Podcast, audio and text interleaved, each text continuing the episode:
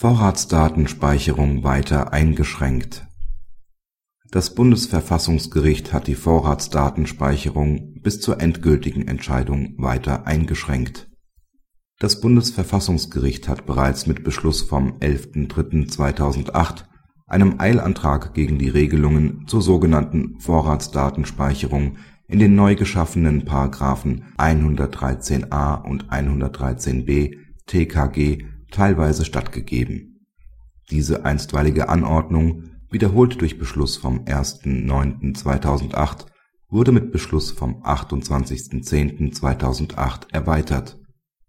Während bislang ein Anlass zur Erstreckung der einstweiligen Anordnung auf § 113b Satz 1 Nummern 2 und 3 TKG nicht bestand, weil weder im Bereich der Gefahrenabwehr noch des Verfassungsschutzes der Nachrichtendienste Rechtsgrundlagen für einen Abruf der nach § 113a TKG gespeicherten Vorratsdaten vorhanden waren, haben nun Bayern und Thüringen entsprechende Gesetze geschaffen.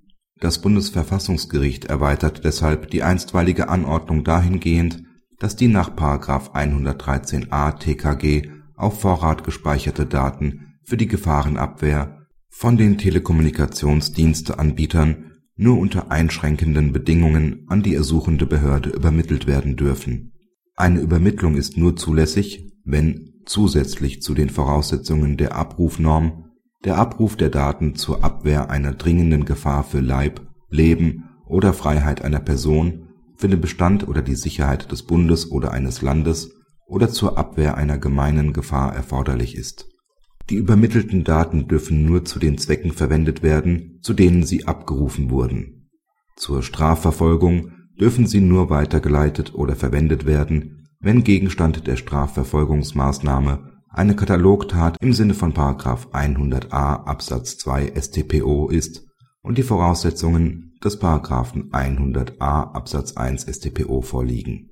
Für Aufgaben des Verfassungsschutzes gilt dass im Falle eines Abrufs die Daten nur dann an die ersuchende Behörde übermittelt werden dürfen, wenn neben den Voraussetzungen der Abrufnorm auch die Voraussetzungen von den § 1 Absatz 1 und 3 des Gesetzes zur Beschränkung des Brief Post und Fernmeldegeheimnisses (Artikel 10 Gesetz) vorliegen. Kritik Es tut gut, dass das Bundesverfassungsgericht die Vorratsdatenspeicherung weiterhin kritisch bewertet es bleibt zu hoffen, dass es in seiner Entscheidung über die Verfassungsbeschwerde auch die geplanten Befugnisse des BKA einbezieht.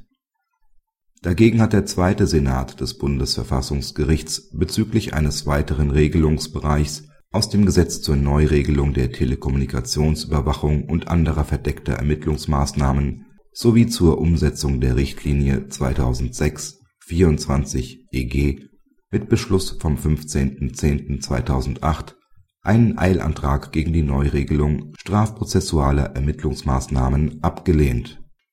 Der neu gefasste § 100a Absatz 2 und 4 StPO, der die Überwachung der Telekommunikation betrifft, wird nicht einstweilen ausgesetzt. Gleiches gilt für die in § 160a StPO enthaltene Regelung über den Schutz zeugnisverweigerungsberechtigter Berufsgeheimnisträger die gebotene Abwägung fiel zunächst gegen die Kommunikationsteilnehmer aus. Die vorläufige Aussetzung des § 100a Absatz 2 StPO könnte nach Auffassung des Bundesverfassungsgerichts die Aufklärung von Straftaten erschweren. Das öffentliche Interesse an einer wirksamen Strafverfolgung überwiegt